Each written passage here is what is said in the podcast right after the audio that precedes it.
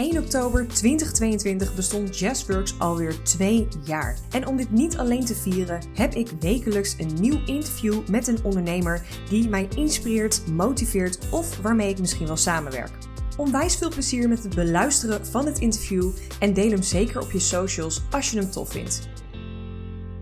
Ja, wat leuk. We, we nemen weer een nieuwe podcast op. En vandaag weer met een gast. Jessica van yesworks.nl. Wat leuk dat je er bent. Welkom. Ja, hi. Wat super leuk dat wij samen een podcast gaan opnemen vandaag. Ik heb er echt heel veel zin in. Nou, dat vind ik echt super om te horen. Zeker. Wat wel leuk is om aan de luisteraar te laten weten, want ik kan me voorstellen dat mensen denken, yes, Jessica van Yesworks, waar, waar komt die vandaan? Nou, wij hebben jou eigenlijk ergens gespot op Instagram, ooit. En dat heeft ermee te maken dat we ehm, ongemerkt eigenlijk wel gezamenlijke contacten hadden. En wat zo leuk is, dat wij eigenlijk afgelopen periode op verschillende events zijn geweest. Uh, en dan kwamen we elkaar weer tegen. Ja, en de laatste keer was op het podcast-event van uh, Mirjam Heggaar op de Summit. En dat komt natuurlijk ook omdat wij een podcast hebben, maar jij ook. En toen zeiden we, nou, kom op zeg, we gaan een keer samen een podcast opnemen. Nu moet het wel een keer gebeuren. Ja, het is heel grappig hoe onze wegen elkaar hebben gekruist, terwijl we ook niet ja, in de buurt wonen of elkaar verder kenden. En ook ons vakgebied uh, ligt ook niet echt heel erg in hetzelfde straatje. Maar dat vind ik ook meteen wel het mooie. Uh, ik zal mezelf ook even voor jullie luisteraars voorstellen. Ja. Um, ik ben Jessica en ik heb uh, twee jaar geleden heb ik de keuze gemaakt om uit vast dienstverband te stappen en um, voor mezelf te beginnen als online ondernemer. Ik kom uit de media en daar was ik planner en producer en uh, had ik gewoon heel veel skills op gebied van organiseren en ja, doen. En toen dacht ik, ik ga voor mezelf beginnen. Um, ik begin als virtual assistant, dus dat is helemaal online geweest. En ondertussen ben ik twee jaar verder uh, ondertussen ondernemerscoach. En help ik andere ondernemers, vooral vrouwen, om haar business gewoon goed neer te zetten. En ook online zichtbaarheid daaruit te halen. En dat is ook hoe ik jullie heb ontmoet, want ik heb een eigen gifjescursus. en jullie hebben je eigen gifjes gemaakt. En daar had ik ja, met, met jouw cursus. Ja, ja. Nou, dat was fantastisch om te doen ook moet ik zeggen. Superleuk. we hebben echt wel gelachen, ook tijdens het maken alleen al. Ja. ja. Ook wel ruzie gemaakt. Ja, ook. ja, dat staat in de kleine lettertjes van de cursus erbij. Daar krijg je geen geld terug. nee, maar dat het was meer dan waard. Dat was uh, geen enkel probleem. Ja. uh, hartstikke leuk. Hè? Ja. Resultaat ook, wat dat betreft. Ja, het is zo leuk om te gebruiken. En ik vind het, dat is ook echt wel een stukje van mijn missie, mijn passie om uh, ondernemers te helpen om het ook leuk te maken op Instagram, online zichtbaarheid. Want het wordt vaak best wel als ja, iets zwaars gezien, lastig, het moeten. Weet je, je moet zo vaak posten, je moet zo vaak podcasten. Uh, en ik probeer juist mensen te helpen om een beetje de fun en de flow weer te vinden daarin. Ja, nou noem jij daar precies twee dingen. Hè? Die fun en flow, dat is natuurlijk ook een van de dingen waar wij ook op aangaan. Ja. Uh, Op, want dat is ook de energie die jij uitstraalt en waar wij zelf ook heel erg blij van worden. Ja. Wat maakt dat jij zo uh, gericht bent op fun en flow? Ja, um, dat komt natuurlijk altijd uit iets wat je zelf hebt meegemaakt. En dat weten jullie als geen ander. Um, ik heb een hele mooie reis gehad in uh, mijn, uh, ja, mijn zakelijke reis in de media. Maar het waren wel tien uh, ingewikkelde jaren. Gewoon heel veel mannen, energie. Um, heel veel meegemaakt daar en heel veel geleerd. Maar daarin was er eigenlijk totaal geen flow en geen fun. En dat zit best wel in mij. Um, dus ik ben er eigenlijk nu pas achter aan het komen als 30-jarige. Dat ik al heel lang iets anders heb gedaan wat niet bij mij paste. En ik ben er nu pas achter gekomen, en nou, dat heb ik in jullie podcast en jullie verhaal natuurlijk ook teruggehoord, dat het zo belangrijk is om te doen waar je zelf blij van wordt en waar je elke dag met plezier je bed voor uitkomt. Ja, maar het heeft jou dus wel tien jaar gekost voordat je daar achter was. Ja, ja, zo kan je het ook zien. Aan de andere kant ben ik ook dankbaar. Ja, dat nog best snel. Is gelukt. Sommigen die zijn 40, 50 of gaan het nooit ontdekken. Ja, kijk naar mij. Nou, precies. Maar ja, het. Weet je, en ik denk ook altijd, misschien klinkt dat een beetje zweverig, maar ik geloof heel erg, alles um, heeft een reden en alles gebeurt ook met een reden. Dus dat ik dit niet op mijn achttiende heb ontdekt, maar pas nu, pas tussen haakjes, um, had ook gewoon zo zijn reden. En ik heb heel veel dingen meegemaakt. Het was echt niet alleen maar um, lastig, ik heb er ook heel veel van geleerd. Ik durf daardoor ook nu stappen, bold moves te nemen in mijn bedrijf. Ja, mooi. Hey, want ik heb ook, ik, wij hebben natuurlijk ook al wat afleveringen van jou, uh, nee, uh, wat afleveringen van jouw podcast gehoord. Ook gewoon om nog weer wat meer van jou te horen, uh, naast wat jij allemaal laat zien op Instagram. Ja. En daarin hoorde ik ook, en dat was wel iets waar ik op aanging, want daar had ik wel heel erg erkenning in, herkenning in, in dat je ook noemde dat je een burn-out hebt gehad en dat ook perfectionisme toch wel een onderdeel van jouw leven is geweest. Zou je daar wat over kunnen vertellen? Want dat, dat is bij mij ook zo gegaan. Ja, zeker. Ja. ja, ik heb ook jullie verhaal eh, geluisterd en ik herken inderdaad ook veel in jouw verhaal. Um, grappig is, toen ik jullie leerde kennen, dacht ik, ja, verslavingspraat, dat heeft niks met mij te maken, want ik ken geen uh, iemand die aan de alcohol of aan de drugs zit. Weet je, je denkt dan heel bekrompen dat dat eigenlijk alles is. Ja. Maar naarmate wij meer contact kregen, kwam ik ook achter dat er ook heel veel op gebied van uh, social media verslaving of zichtbaarheidsverslaving of uh, op een andere manier perfectionisme, uh, angsten, dat er op heel veel vlakken al een verslaving kan zitten. Ja. En daar ben ik ook zelf over na gaan denken, want ik heb veel. Um, nou ja, wel gewoon daar wel wat mee te maken gehad. Ik heb inderdaad een burn-out gekregen. Dat is niet omdat ik mijn droomleven leidde en omdat ik eh, plezier had in mijn leven en mijn werk. Dat was omdat ik te hard werkte, te veel van mezelf verwachtte en ook een ideaal plaatje schetste omdat ik voor anderen uh, een perfect bedrijf wilde neerzetten, een perfecte afdeling en daar echt rigoureus over mijn eigen grenzen ging. Ja. ja, en voor een langere tijd, zonder door te hebben dat je dat aan het doen was waarschijnlijk. Ja, ja, zeker. Nou, wat je net zegt, Robert, het is tien jaar heeft het geduurd dat ik de ballen had om te zeggen: ik wil hier niet meer uh, zijn in loondienst. Ik wil niet meer voor een baas werken. Ik wil niet meer in. Maar was dat direct na je burn-out? Of ging je eigenlijk weer het oude doen dan wat je deed voor je burn-out? Ja, precies dat tweede. Ik heb inderdaad um, eerst een burn-out gehad. Ik denk dat ik toen vijf of zes jaar in de media werkte fulltime. Ik ben begonnen toen ik 17 jaar was. Dus dan kan je wel voorstellen dat ik nog ja, redelijk jong was. Opgegroeid, opgevoed in Hilversum. Uh, veel bekende mensen om me heen, ook in mijn familie. Dus je hebt altijd een soort van masker wat je op moet hebben. Um, je wil perfect zijn, dat wordt hier gewoon met de paplepel ingegoten. Nou, ik was daar iets extra gevoelig voor.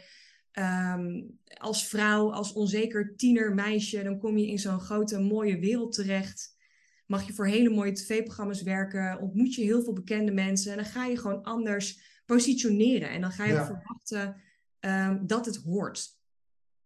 Ja, en sterker nog, het wordt ook van je verwacht, waarschijnlijk. Ja. Ik ben wel benieuwd, als ik jou dat zo hoor zeggen, wat doet dat nu met je, als je daar zo naar terugkijkt, van, van dat dat dus zo gegaan is voor jou? Ja, ja, ben ik eigenlijk, het klinkt heel gek, maar ik ben hier onwijs dankbaar voor. En dat was ik um, eigenlijk niet toen ik net uit loondienst kwam. Toen zat er vooral, en dat herkennen jullie misschien wel in je verhaal, uh, zat er heel veel woede, zat er heel veel angst, zat er heel veel druk op. Omdat ik gewoon, ja, boosheid ook eigenlijk. Omdat ik me gewoon, ik, ik voelde ook alsof er een stukje weggenomen was. Een stukje uh, tiener, een stukje uh, vrouw worden, een stukje ontwikkeling. Wat gewoon volledig in dat keurslijf gegoten is. Zoals ik me moest gedragen zoals een ander dat wilde. Alleen op een gegeven moment nam ik daar leiderschap in. En toen dacht ik, ja, dit is mijn invulling geweest. Ik was er zelf bij. Wauw. Ja, dat is heel knap. Maar wanneer is dus dat punt gekomen? Want jij ging na jouw burn-out, wat een enorm duidelijk signaal is van hé, hey, je bent niet met de juiste dingen op dit moment bezig. Je bent niet dicht bij jezelf nu, want anders zou het wel met plezier en flow gaan. Ja. En dan ging je toch weer hetzelfde doen als wat je deed. Ja, en als je doet wat je deed, dan krijg je wat je kreeg, hè? Over het algemeen wel, ja. Bij het casino is dat wel anders, hoor. Want dan zet ik iedere keer in en ik krijg elke keer iets anders qua verlies. Maar... Uh... Ja, nou ja, dat is wel iets wat ik. Um, het moet ook de tijd zijn. Het moet ook goed voelen. Het moet ook passen om zo'n stap te maken. Ik denk ook dat het niet. Het is heel makkelijk om nu te zeggen. Als ik terugkijk, had ik vijf jaar eerder een stap moeten maken of uit loondienst gegaan. Maar ik was er toen denk ik ook gewoon nog niet klaar voor. Nee, maar waarom, wanneer was je er wel klaar voor? Ja, je bent er nooit klaar voor. Maar bij mij was het op een gegeven moment zo'n. Ja, ik weet eigenlijk geen eens wanneer dat precies was. Maar ik weet nog wel dat er een onderbuikgevoel was. En ik kwam in diezelfde periode voor het eerst in aanmerking met de wet van aantrekking, met uh, het universum. Ik ben zelf christelijk gelovig opgevoed, dus dat was echt een no-go. Ja. En opeens was er een onderbuikgevoel bij mij die zei: Dit moet je niet meer willen. Wat ben je aan het doen? En dat heb ik wel eerder gehad. En op een gegeven moment dacht ik: Nu mag ik er naar luisteren. En nu, het gaf me ook een energie om die knoop door te hakken. Mooi man. Want uiteindelijk is dit wel waar het over gaat. Want uiteindelijk uh, zijn er genoeg tekenen in ieders leven. Ja. Maar het gaat erom, ben je bereid om er naar te kijken en uh, erop te acteren? En burn-out is gewoon een, een teken. Ja. Alleen jij was nog niet bereid of uh, klaar ervoor om erop te gaan acteren. En op een gegeven moment is het een optelsom van synchroniciteiten, zoals we dat dan maar noemen. Ja. Dat, dat er gewoon uh, signalen komen. En dan in combinatie met je onderbuikgevoel, waardoor Ja. je op een gegeven moment denkt van, ja, tot hier en niet verder. Ik ga dit kunstje, want dat was het feitelijk, ga ik niet meer doen. Ik ga nu, ik Ja. ga werkelijk nu naar mijn, naar mijn authenticiteit toe. Wie ik Ja. werkelijk heb te zijn en wil zijn. En ja, dat gaat niet met een draaien aan de knop, maar dat is, dat, daar moet je naartoe groeien. Ja. ja, maar ik denk ook niet dat het erg is dat je niet eh, meteen op dat onderbuikgevoel anticipeert. Want ik denk ook dat ehm, je mag er ook klaar voor zijn. En je mag ook de. Ik zie het ook niet als een fout dat ik toen daarna weer terug ben gegaan in loondienst. Ik zie nee. het echt als. ehm, alles riep wel tegen mij: dit is niet meer oké. Ik kwam echt huilend het Mediapark op en ik trilde bij de eerste dag weer werken. Dat was ook gewoon een signaal van: ga alsjeblieft hier heel snel weg. Ja. Maar ja, wat moest ik als 20-jarig meisje? Ik woonde op mijn uppie in een flatje. Eh, ik moest alles betalen. Dus ik dacht, nou, dan ga ik het nu anders doen. En andere mensen om me heen, een andere afdeling. Ehm, en dat heeft me ook wel weer heel veel gebracht. Zeker, zeker. Als je er zo naar kan kijken, dan heeft het sowieso veel gebracht. Ja, maar ik denk wel dat dat makkelijk is achteraf. En als je Tuurlijk. daar in zit, dat dat heel erg lastig is om daarop te vertrouwen. Om, eh, om daar ooit uit te komen. Dan kan het wel heel erg zwaar en beladen voelen. Ja, en dat klopt. En eh, uiteindelijk, als ik naar mijn eigen verhaal kijk, dan, dan Ja. is dat ook zo. Toen ik nog in de, in de chaos van verslaving leefde, Ja. eh, wist ik wel dat, dat het niet goed was en dat ik iets anders voor mezelf wilde. Maar ik wist ook niet hoe. En ik eh, vond het ook een enge gedachte dat ik alles los moest laten wat ik wel kende, ondanks dat het destructief was. Ja. Het, het voelde toch fijn. In een bepaalde zin. Veilig, laat ik het zo noemen. Omdat ik in ieder geval wist wat de uitkomst zou worden. Ook al is die best wel desastreus. Hij is wel veilig, want ik weet wat het gaat worden. Dus je denkt een soort van controle te hebben. Ja. Ik had hulp nodig om uiteindelijk in vertrouwen dat andere toekomstbeeld in te stappen. Heb jij ook hulp gevraagd? Zeker, maar dat heeft wel heel lang geduurd. Ja, ja. Maar dat is ook een stukje, denk ik, in de maatschappij waarin wij leven. Ik vind het schrikbarend om te zien dat eh, mijn leeftijdsgenoten, mensen in de 20, 30, dat er zoveel mensen in een burn-out zitten Ja, dat of normaal. psychische problemen hebben. Ik vind het echt bizar. En ik hoop ook dat ik en jullie op jullie manier daar echt een bijdrage in mogen leveren voor de samenleving. Maar ehm, ja, het heeft bij mij heel lang geduurd. Maar dat komt ook weer, tuurlijk, een stukje opvoeding. Opgevoed vanuit eh, je mag het zelf doen. En eh, we zijn Ja. sterke vrouwen en we hoeven geen hulp. Ja, dat is dan best wel lastig om daar doorheen te breken. Omdat het vaak als zwak gezien wordt om hulp te vragen. Ja, zeker. Maar ook de omgeving waarin jij natuurlijk aan het werk was. Ik kan me voorstellen dat dat ook wel aardig eh, beïnvloedt. Weet je, ook eh Ja. eh, BN'ers, eh, een soort van allemaal belangrijke mensen. Eh, ik kan me voorstellen dat je daarin ook wel iets hebt zien gebeuren om Tuurlijk. je heen, of niet? Tuurlijk, ja. Het was bizar om ook dat eh, poppenspel, poppenkast zeg maar, te zien van iedereen. Dat er 's morgens bekende Nederlanders bij ons kwamen inspreken voor een tv-programma. En dan nog even toch eh, dat ene spulletje in hun koffie deden. Of nog eventjes een eh, snuifje doen op de wc. Ja. Dat je denkt, oh wat een leven. En vervolgens dan echt een masker opzetten. En het fantastisch vinden wat ze doen. En vervolgens daarna weer met een hele andere energie zo'n programma uitstappen. Ik vond het fascinerend om te zien. En als tienermeisje heel erg mooi. Maar later begon ik me af te vragen: ja, is dit nou echt hoe je als mens jezelf moet positioneren? Ja. En dat is iets dat, wat dan later een soort van tot je doordringt eh, Ja. pas, hè? Ja, zeker. Ja. En ook dat stukje grenzen. Want zoals ik net zei, de media is echt een mannenwereld. En ehm, ik vond het ook heel erg raar dat er daarin gewoon mannen aan de macht stonden, of nog steeds staan. En daarin is het als vrouw echt best wel lastig, niet alleen op salarisgebied, maar ook echt als functie, om daar hogerop te gaan komen. Eigenlijk vind ik dat zo niet kloppen. Ja, maar daar wordt dus niet echt gekeken naar kwaliteiten, maar echt naar uh, uh, vrienden.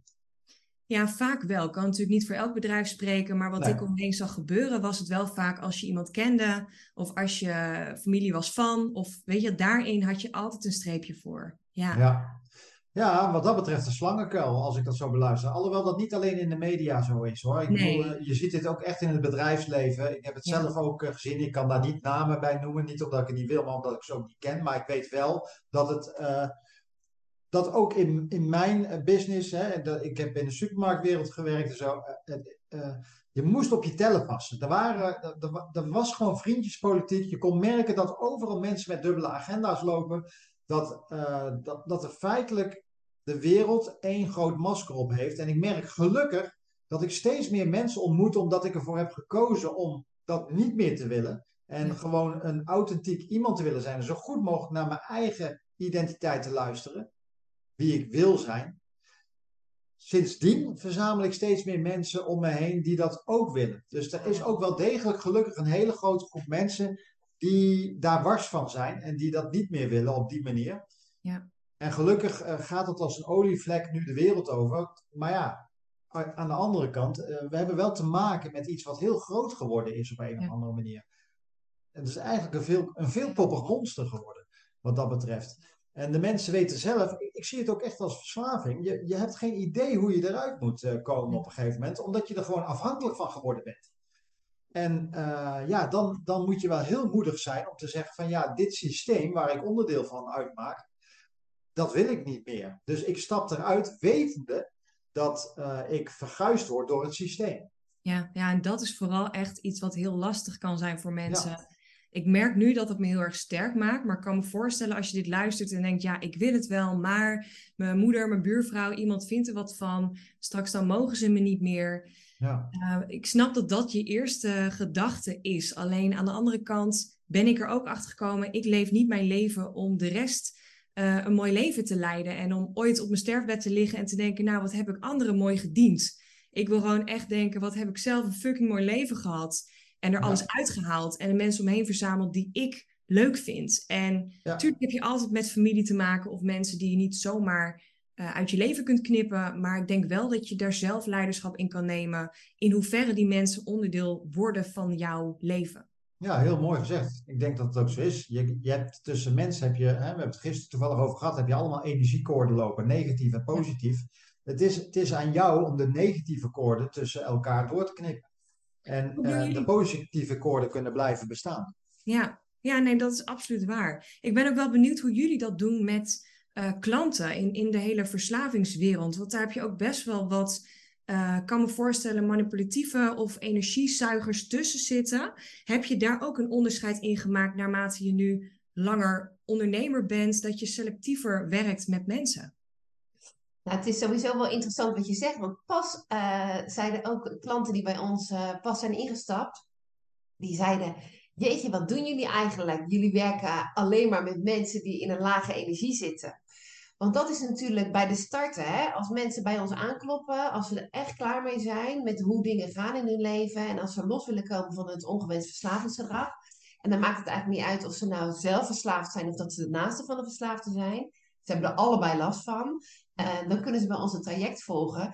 En dan zitten ze natuurlijk heel laag in hun energie. Want ook als wij dan kennis maken en een gesprek hebben, ja, het, is natuurlijk heel veel niet oké waar het over gaat.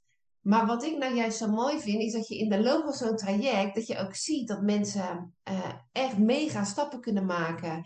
Um, met juist daar los van komen, met anders leren denken, met hun mindset echt resetten en op een andere manier in het leven staan. En ook, ook anders kijken naar wat zij nou willen in hun leven. Ja. Heel veel mensen staan er helemaal niet bij stil. Die, die doen gewoon wat ze doen. En die, ja. die overkomt verslaving ook. Wij zien dit zoveel om ons heen gebeuren. Als je nou alleen al kijkt bijvoorbeeld naar alcohol, weet je, dat, het is zo makkelijk, het is zo uh, maatschappelijk geaccepteerd. Zo, ja. Ja, dus in die zin zie wat, wat ik zo persoonlijk zo fijn vind, is dat we echt wel zien dat mensen soms aardig eraan zijn aan het begin. Maar dat je ze in de loop der tijd gewoon mee kan nemen. eh, juist ook in die hoge energie. En Ja. ik moet zeggen, wij hebben volgens mij nog niet mensen gehad waarvan we dachten van, nou joh, jij zit zo op een bepaalde manier erin, met jou willen we niet werken. We hebben het niet gehad. Nee, hebben we niet gehad. Maar eh, we hebben wel natuurlijk gehad dat mensen heel erg goed kunnen manipuleren. Ja. Ja. Eh, maar dat is zo. Maar ik moet je eerlijk zeggen, dat vind ik alleen maar heel leuk. Want eh, dat is iets wat ik ook heel goed kan. En ik Ja. doorzie dat ook. Dus eh, ik geef dat ook gewoon terug. We, we hebben nu laatst hadden we ook weer mensen. En eentje die was echt vol aan het manipuleren.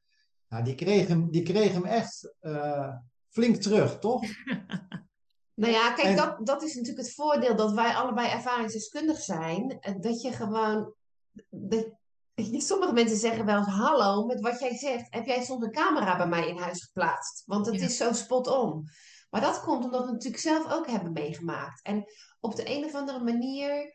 Eh, weet je, wij zijn dan wel geen psycholoog. Alhoewel, wij zien soms ook psychologen van bijvoorbeeld net in de twintig. En die hebben het dan natuurlijk allemaal uit de boekjes geleerd. Ja. Dat, dat is iemand anders die je te- tegenover je hebt staan dan iemand die gewoon levenservaring daarin op heeft gedaan. Ja. En, en ja, wij zijn gewoon heel moeilijk om de tuin te leiden. En tuurlijk, sommigen proberen het wel.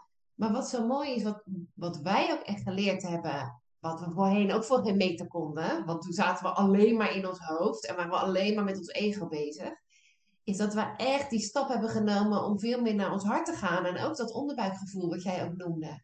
En, en we voelen het gewoon aan als er iets niet Ja. klopt. Of weet je, als mensen een bepaalde kant op gaan, weet je dan, hup, nee, weer terug, wacht eens even. Ja, ik, en ik vind dat een heel mooi, ja, ik wou zeggen spel. Ehm, dat bedoel ik niet negatief. Dat, dat, Ja. Ik vind dat een hele mooie vorm van ontwikkelen. Ja. Dus Ja. samenvattend, want je komt er bijna niet tussen als Wendy helemaal begint. Maar samenvattend is dus eigenlijk, eh, het, het geeft heel veel energie om met deze mensen te werken, omdat we wel alleen klanten hebben Ja. die echt willen. Want daar hebben we ook voor gezorgd met onze prijzen en eh, noem het Ja. op. Het, is niet een eh, instapmodelletje dat je denkt van nou ik probeer het even en dan kijk ik wel waar het schip strandt. Of ik doe het voor een ander. Dan ziet hij dat ik ermee bezig ben, maar ondertussen weet ik al dat het toch niet gaat lukken. Nee, het zijn wel mensen die er echt voor willen gaan. En die ook bereid zijn om af en toe echt een lelijke spiegel voor, eh, voor zich gehouden te krijgen. En eh, dat Ja. is wel heel helpend. Ja, ja En, en wij hebben eigenlijk ook echt wel een screening, een hele, hele korte screening, maar wel een screening dat we wel eerst, zeker in onze hogere producten, dat we wel weten met wie we gaan samenwerken. Want het is niet zo dat ik vijf maanden met een of andere maloot ga samenwerken. Want, dan, want die trekt mij echt helemaal leeg en daar heb ik helemaal geen zin in. Ja, Dus Ja. eh, ook al krijg je daar alle geld voor de wereld. nee, dat gaan we niet doen. Nee, Nee, dat is helemaal niet mijn mooiste leven. En ik ben niet Nee. meer bereid om aan mijn mooiste leven te tornen. Ja, Dus, eh, gaaf hè, dat dat kan als ondernemer. Dat je gewoon die Ja. keuze kan maken. Dat je ook kan zeggen, we gaan het anders doen. Of prijs omhoog gooien of omlaag. Maar alles wat voor jou, voor jullie goed voelt. Dat is Ja. het. Maar dat is echt zo. Dat is echt de kern. De- en dat, is, dat zou iedereen moeten doen. Want Ja. ik ben ervan overtuigd dat er voor elke ondernemer, wat je ook wil doen op deze wereld, is er plek. Je wil niet weten hoe groot de wereld is en hoeveel hulpvraag er is. Voor Ja. iedereen. Dus eh, je, bent, je hoeft ook helemaal niet te denken dat je een concurrent hebt. Want, want uiteindelijk kopen mensen altijd iets bij jou. Ja. Ja, en wat ik ook zo gaaf vind aan eh ondernemer zijn, is dat je ook gewoon je eigen geluid mag laten horen. Kijk, want wat bij ons natuurlijk duidelijk is, is dat wij eh, in iets anders geloven dan de reguliere verslavingszorg. Wij geloven niet dat verslaving een ongeneeslijke ziekte is. Wij geloven echt dat je altijd een keuze hebt in wat je ook doet. Kijk, en dat je dat niet automatisch doet. Dat je ik geloof dat niet. Ik weet dat dat zo Ja. is. Nou ja, Nee, geloof ik in. nou ja. Ja, maar dat vind ik, nog- ik, vind, ik wil het echt heel stellig Ja. hebben. Het is niet een of andere geloof van ons. We weten inmiddels dat het zo is, want het werkt. Zo voor onze klanten en voor Ja. onszelf. Dus eh, Ja. als je het bewezen wil hebben, wij zijn het bewijs. Ja, mooi. Ja, en het is ook gaaf dat je via zelfstandig ondernemerschap je, je ook kan onderscheiden eh, ten opzichte van eh, alles en iedereen in de wereld. Eh, En, Ja. en ik vind dat ook heel gaaf. Eh, wat ik ook vroeger best wel moeilijk vond, dat je echt jezelf zijn. Want ja, wanneer ben je nou jezelf? Ja. Maar dat wij daarin steeds, eh, ja, steeds stapjes dichter bij onszelf komen. En Ja. ja, ja ik vind dat wel, eh, daar word ik wel heel blij van.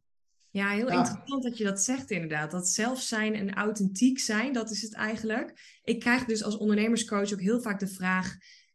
Ehm, wie ben ik eigenlijk als ondernemer en wat wil ik uitstralen? En ik vind het heel grappig omdat ik vaak in mijn marketing toch wel nieuwe vrouwelijke ondernemers aantrek op uh, het coachen op ondernemingen, op business, weet je. Want als je zegt ik ben mindset coach, dan raak je gewoon heel snel mensen kwijt omdat ze dat toch als zweverig ervaren. Ja. Maar ik zie dat ik vaak gewoon 9 van de 10 keer op mindset, op blokkades, op uh, beperkende overtuigingen bezig ben, voordat je een succesvolle business kunt neerzetten.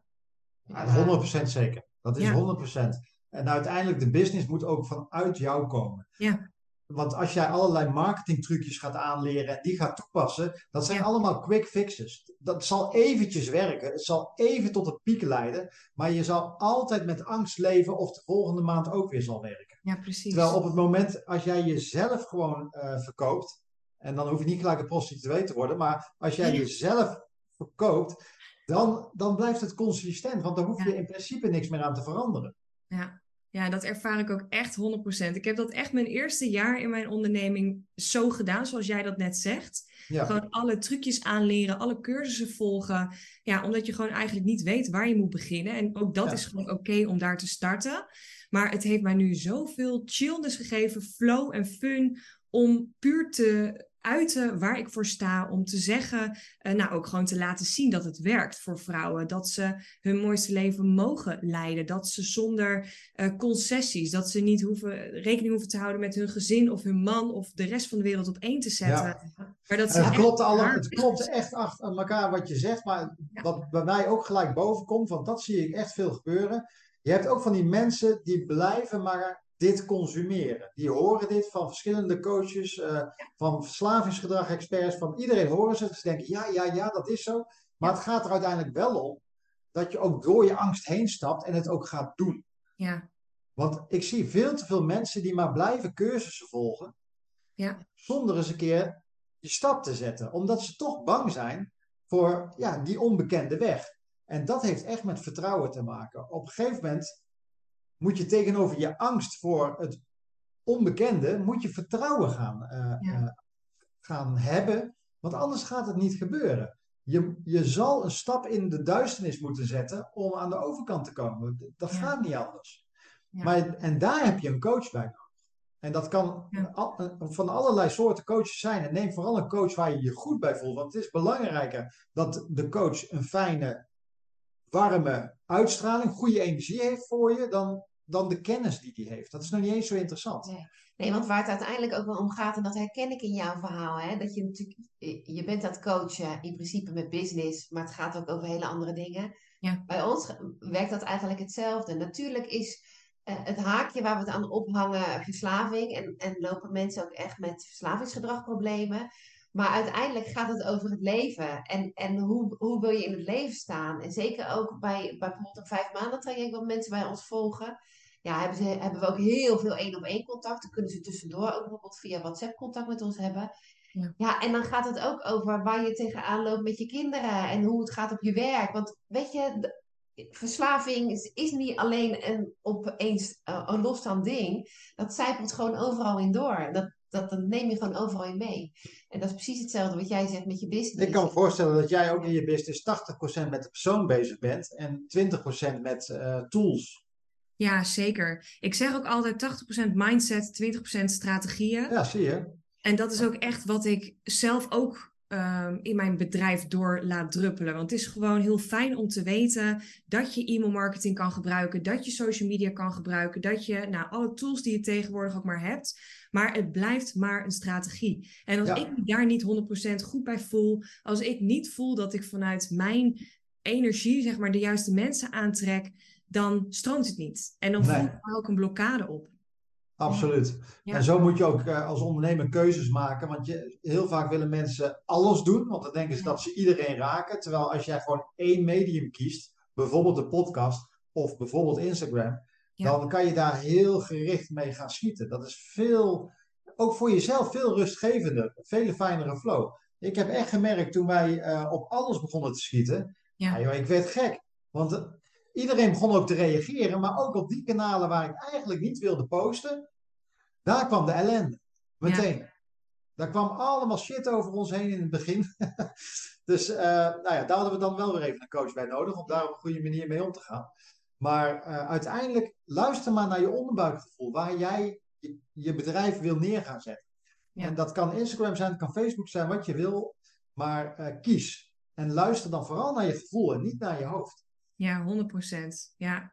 Hey ja. Jessica, ik wil eigenlijk nog wat anders aan je vragen. Ja. Uh, kijk, wij, wij volgen jou natuurlijk op Instagram en wij, wij zien wat voor soort meid jij bent. En, en uh, jij hebt ook best wel, bijvoorbeeld in het weekend, weet je, het wijnglas in jouw hand zien we best wel langskomen. Ja. Uh, en weet je, ik hoef er geen oordeel over te hebben, maar ik ben even benieuwd. Hoe, hoe is dat bij jou eigenlijk met verslaving? En weet je waarom ik vooral dit zeg?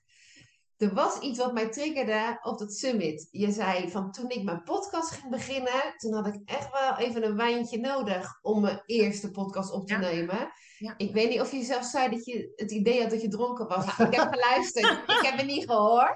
Maar, maar ja. interessant wel. Dus ik ben ja, niet ben je daar iets over kwijt. Ja, ja, absoluut. Daar durf ik echt wel uh, uh, over te praten. Ik kom natuurlijk uit de media. Neem anders eerst even een wijntje. ik neem even een wijntje. Het is begin van de middag, maar... Nee, ja, ik, ik kom echt wel uit een milieu waar er heel veel gedronken werd. En wij hadden in de media niet overdreven twee, drie keer per week uh, minstens een borrel. En ja, als je daar geen wijntje dronk, was het echt wel een, bijna problematisch. Helemaal als ja, als, als meisje, als, als tienermeisje, zeg maar, was je er ook gewoon niet alleen voor de gezelligheid, maar ook wel een beetje om uh, met de, de mannen en met de aanwezige klanten te praten.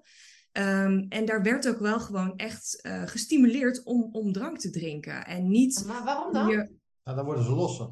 Gezellig, losser, ah. staat leuk, benaderbaar. Ja, misschien ook wel eh, zonder meteen um, uh, iets raars te denken, dat er wel gewoon een soort van chillness ontstaat in zo'n groep. Maar goed, een borrel was ook wel eens om 12 uur s middags. En uh, om twee uur uh, s middags was je weer uh, aan het lunchen met iemand. er werd redelijk veel wijn gedronken. Dus dat heb ik ook echt wel. maar jij hebt een paplepel ingegoten vanuit thuis en je werk. Ja, nou ja, thuis werd er niet heel veel gedronken. Nee, mijn vader die dronk op zaterdagavond wel eens een portje. Mijn moeder die kon ook wel eens in het weekend, op, eigenlijk op zaterdagavond, gewoon een wijntje nuttigen. Maar ik ben niet echt uit een hele uh, dat er veel alcohol gedronken okay. werd. Dat is echt puur de media. Hmm. Maar ik heb het wel uiteindelijk gelinkt met uh, gezelligheid en ja, omringen met leuke mensen op een borrel. Daar hoort een wijntje bij. Uh, er werd ook heel vaak wel gezegd tegen mij: Yes, met een wijntje, dat is een soort van uh, twee handen op één buik. Ja. Maar het is wel goed dat je het zegt, want ik ben me daar wel uh, bewust van hoe ik dat in mijn privéleven in ieder geval doortrek. En um, misschien denk je van wel, maar ik drink helemaal niet zoveel wijn privé. ja, maar dat is grappig hè, hoe dat dan over kan komen. Ja, zeker. Dus het is ook heel goed dat je dat openbreekt. Maar ik heb er eigenlijk helemaal niet bij stilgestaan wat ik daarin uit. Het is vooral mijn eigen gifjes vind ik het ook leuk om echt die flow en fun door te trekken. En hebben we ook gewoon wat gifjes met wijntjes gemaakt. Dus ja, die own ik ook gewoon 100%. Ik hou van een ja. wijntje, ik vind het heerlijk. Maar uh, ja, ik denk ja, daar... van jouw eerste podcast, ja, hoe was dat? Absoluut, ja. Ik merk wel dat als ik dingen heel spannend vind, maar dat is twee jaar geleden, mijn eerste, of anderhalf jaar geleden, mijn eerste podcast, moet ik wel heel eerlijk zeggen dat ik toen wel iets minder stevig in mijn schoenen stond in mijn business dan dat ik nu sta. Ik ja. ga bijvoorbeeld morgen mijn eerste businessborrel voor 30 vrouwen live organiseren. Gaaf, uh, daar heb ik geen wijntje voor nodig om voor die vrouwen te staan. Dus dat is niet het probleem. Maar het nee, maar toen, maar toen had je die dan nog wel nodig om je eerste podcast op te ja, nemen? Ja, nodig. Ik, um, het is misschien ook een beetje uh, ja, aangedrukt vanuit mijn kant. Maar het was een, volgens mij een donderdag of een vrijdagavond. Uh, en mijn vent die was uh, naar vrienden toe en ik dacht, ja, ik ga het nu gewoon doen. Dus ik zag het als een gezellige, ik zat hier op mijn kamer, een dekentje, verwarming aan. En toen heb ik gewoon een wijntje gepakt, omdat ik dacht, nou, dan heb ik de ballen om...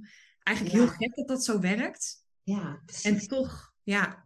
Ja, maar dat komt vanuit het onderbewuste. Ja. Want uiteindelijk, ja, uh, die, die gifjes die je maakt, en ook... en ik zie het bij veel meer mensen op social media hoor. Mensen die ook gewoon eh, niet uh, ondernemers, maar die, die, iedereen denkt dat ze op een foto moeten laten zien aan de buitenwereld dat ze gezellig ja. hebben op het moment dat ze aan het proosten zijn. Dus op een of andere manier Is dat werkelijk de norm geworden om aan de buitenwereld te laten zien, ik heb het gezellig, want wij zijn aan het eten en aan het proosten. Ja. Ja, terwijl eigenlijk heb ik daar dus ook wel een bloedhekel aan in mijn privéleven. Want wij spreken best wel vaak af met een vriendengroep om op zaterdagavond op het terras te zitten. En regelmatig drink ik dan gewoon geen alcohol, omdat ik er gewoon geen behoefte aan heb. Of omdat ik dan gewoon, ik heb het niet nodig om een gezellige avond te hebben. Ja, en wat je dan vaak terugkrijgt is, oh, ben je zwanger als vrouw? Oh, ja. Of ben je, weet je wel, is er wat aan de hand? Of er moet dan wat zijn ja. om je te verantwoorden. Of je krijgt zelfs te horen van, doe niet zo ongezellig. Ja, ja, ja, die mensen heb ik al uit mijn leven verwijderd. nou, dat vind ik wel heel sterk van je. Ja, ja Want dat moet je ook maar durven. Zo'n onzin als mensen dat zeggen. Ja, maar ik hoor zeker ook, uh, wij komen uit het Westland, hè, hier uh, onder Den Haag. Ik hoor echt van veel mensen die mij aanspreken, omdat ze inmiddels weten dat ik nogal open ben over verslaving, dat ze, dat ze inderdaad aangeven dat ze dat heel lastig vinden, omdat binnen hun vriendengroep is het eigenlijk, dat gevoel hebben ze, dat ze niet kunnen stoppen. Ja. Niet vanwege zichzelf, maar vanwege de sociale druk om hen heen. Ja. Dat is best wel ernstig, hè? Dat is het ook, maar ik denk ook dat dat te maken heeft met een stukje mindset. Uh, net als dat je de ballen moet hebben om voor jezelf te beginnen met alle um, ja, angsten en, en blokkades die daarop kunnen zitten, onzekerheden denk ik ook daarin dat ik daarin gegroeid ben. Dat kon ik ja, in mijn tien jaren, twintig jaren gewoon een stuk minder. En nu durf ik ook gewoon te zeggen, ja, wat maakt dat uit? Ik ga niet alcohol drinken omdat jij dan een leuke avond hebt. Dat vind ik echt zo raar. Nee, heel mooi. En ik ga niet in loondienst omdat jij vindt dat ik, me, uh, dat ik veilig moet zijn als het gaat om inkomsten. Ja. Dat ligt allemaal in mekaars lijn. Je moet het niet voor anderen doen. Je moet echt elke keer weer naar jezelf. Wat wil jij? En je moet dan echt, wat mij betreft, de ballen hebben of wat dan ook hebben. Maar in ieder geval zeggen van tot hier en niet verder. Ik wil dit niet en dat mag. En ik heb geleerd, toen ik had besloten om wat te gaan doen aan mijn ongewenste verslavingsgedrag, dat mensen in mijn omgeving begonnen te vragen van hé, hey, hoe doe je dat? Dan wil ik eigenlijk, hoe is het bij jou begonnen dan? Dus mensen begonnen geïnteresseerd te raken en, en gingen dat voorbeeld volgen. Ja. Dus ook jij als luisteraar, als jij twijfelt om een onderneming te beginnen, terwijl je aan alles voelt dat je dat wil doen, of dat je uh, ongewenst verslavingsgedrag hebt en je wil ermee stoppen, zet die stap. En uh, als je deze podcast luistert, heb je voor de onderneming nu een, een coach die je kan aanspreken. En als je een verslaving hebt, heb je twee coaches om aan te spreken. Dus uh, op een gegeven moment is genoeg genoeg. En dan zal je dus zelf moeten zeggen van ja, ik stap nu uit deze wereld waar er van alles van mij verwacht wordt. En waar ik overal aan voldoe, behalve aan mijn eigen verwachting. Ja, ja, en wat ik het allermooiste zou vinden, als mensen in de gaten hebben uh, dat ze niet pas in actie komen op het moment dat ze helemaal down the drain zijn. Nee, ja. is zo zonde. Want een beetje bij mij is dat ook zo gegaan. Ik moest eerst echt een heftige burn-out krijgen om daadwerkelijk iets anders te gaan doen. En dat, nou ja, jij zegt het zelf ook, je ziet dat zoveel om je heen. En hoe fijn als je niet eerst helemaal die bodem hoeft te raken, maar dat je al eerder aanvoelt van joh, maar wacht eens even, dit pad waar ik op zit, ik eh, wil gewoon een ander pad. Een pad waarin ik gelukkig ben en waarin ik mijn mooiste leven leef. Ja, en ik denk dat dat ook voor heel veel luisteraars heel herkenbaar is dat het niet je hoeft geen verslavingslabel te hebben. Het mag ook veel eerder. Ik merk zelf heel erg, naar wat jullie net zeggen over wijn, dat ik ook wel eens periodes heb, bijvoorbeeld de feestmaanden, um, de, de maand december. Vorig jaar heb ik echt bijna elke dag uh, oh, ik dacht dat je ging zeggen de maand januari tot december. De feestmaanden. de feestmaanden, twaalf maanden heb ik elke dag gedronken. Nee.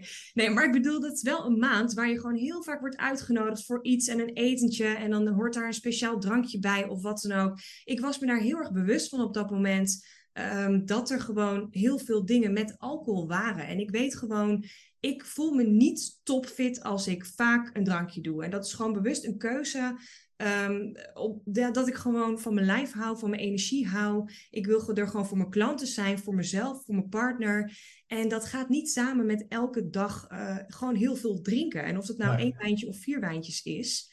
Dus ik was me daar heel bewust van. Maar hetzelfde geldt voor social media. Ik ben ook een ondernemer die volledig online werkt en continu um, aanwezig moet zijn. Maak ik natuurlijk zelf van, maar voor mijn gevoel aanwezig moet zijn op Instagram, op WhatsApp, voor mijn klanten, mijn mail moet checken. Uh, dat kan ook binnen no time toch een verslaving worden. Maar ik ben er zelf bij om een stap te zetten en te zeggen tegen mijn klanten: dit zijn mijn grenzen. S'avonds ben ik offline, die mobiel gewoon weg te leggen en daar mijn grenzen aan te geven. Ja, heel, heel goed. Maar het is ook heel knap, hè? Maar dat betekent dat je dus wel heel bewust bent van waar je staat. Ja. En heel bewust bent van wat je wel wil en wat je niet wil. Ja. Eigenlijk ben je dus heel bewust van uh, wat je niet wil. Dat heb je al uitgedokterd, want je geeft al aan omdat je uh, een, goede, een goede partner wil zijn. Uh, ja. Scherp op je werk wil zijn. En de, de, de plussen van het drinken wegen niet op tegen de minnen daarna. Nee. En dat heb je goed in beeld. Dat is feitelijk een inventarisatie die je voor jezelf hebt gemaakt. En op basis daarvan heb jij gewoon een hele bewuste keuze gemaakt. Ja, ja maar het is wel wat jij zegt. Er zijn zoveel mensen die bewust zijn en die hier ook op zitten van ja, ik weet dat ik meer mag sporten, dat ik minder mag drinken, dat ik weet je wel, minder op mijn mobiel wil zitten. Maar ik doe er lekker geen fuck mee. en dat is wel een moment dat je zelf mag zeggen: Oké, weet je, wat laat ik mezelf nu elke dag mezelf geloven? Ehm, zet gewoon die eerste stap, weet je wel. Probeer een keer een avondje, ook heb je er wel zin in, nee te zeggen tegen alcohol. Probeer een keer één avond je mobiel in een kluis te leggen en die na twee uur weer te openen. Ga daarin gewoon spelen op de manier die bij jou past. Ja, wat daarin wel heel helder is, is dat uh, heel veel mensen zijn altijd heel blij met allerlei inzichten hè, die ze krijgen over zichzelf of over de wereld of hoe, hoe ze zich bewegen in de wereld. Maar alleen dat inzicht is niet, is niet genoeg, want daar gaat het niet van veranderen. Het is wel duidelijk wat jij ook zegt, dat je daarna gewoon in actie moet komen. Ja. Ja, en weet dat de wereld om jou heen, die je overigens zelf gecreëerd hebt, die zal zich daartegen verzetten. Ja. Maar dat is logisch, want het is namelijk de wereld die jij gecreëerd hebt toen je dit nog wel allemaal wilde. Ja. Dan is het niet zo gek dat op het moment dat jij voor jezelf kiest van maar nu wil ik het niet meer, dat de wereld die jij gecreëerd hebt zich daartegen gaat verzetten. Want je gaat namelijk een nieuwe wereld creëren die weer past bij jouw nieuwe werkelijkheid. Dat moet je wel realiseren. En als jij denkt van hé, hey, de hele wereld is tegen mijn besluit. Nee, dit is de wereld die hoorde bij je oude besluit. Ja de hele wereld die hoort bij jouw nieuwe besluit, die is er wel, maar die moet zich nog vormen.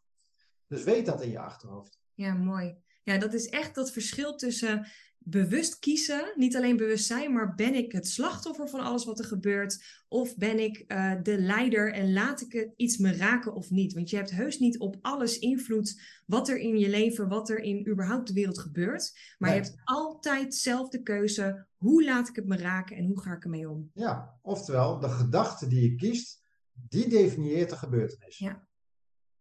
En dat is, uh, dat is zo verschillend, want hoe kan het zijn dat er iemand heel blij wordt van regen, daar waar een ander helemaal chagrijnig van wordt? Dat komt door de gedachte die je ervoor kiest. Ja. ja. Simpel als dat. En de regen blijft gewoon nat. Nou, ik hoor al dat we uh, makkelijke babbelaars zijn uh, allemaal. We kunnen hier nog wel uren over doorpraten. Dus we gaan naar de pauze? Uh, nou, ik denk wel dat het mooi... Weet je, ik merk zelf ook als ik podcast luister en ze duren minder dan een uur, dan haak ik bijvoorbeeld al af. Dus ik denk dat het ook goed is om uh, ergens een eind aan te breien. Heb ik, bij vijf minuten altijd. Ik ben benieuwd of er nog iets is waarvan jij zegt van ja, maar dat moet, dit moet nog wel even gezegd worden door mij.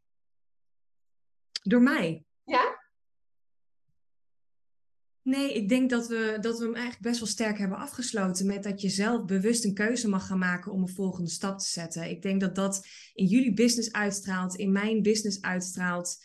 Ja. Uh, dat het heel erg mooi is dat je allemaal podcasts luistert of Insta-content ziet en dat je je uh, laat motiveren, laat inspireren. Maar ik denk dat het heel mooi is om ook op een gegeven moment jezelf aan te kijken en een stap durven te zetten uit je comfortzone. Want daar ligt meestal vet veel onzekerheid en confrontatie, maar wel het goud. Ja. Nou, super. Nou, ik wil je heel erg bedanken voor dit gesprek, uh, Jessica. Ja. Echt heel erg fijn. En als we jou als luisteraar hebben geïnspireerd, omdat je bijvoorbeeld iets wil uh, met je business, met een business opstarten, of omdat je iets wil met verslavingsgedrag, kijk dan in de show notes. Wij zorgen er allebei voor dat wij uh, van elkaar de gegevens erin zetten. Ja. En zo weten mensen ons te vinden. Helemaal dus leuk. Dank je wel. Dank ja, jullie wel. Super bedankt en uh, tot verslavingspraat.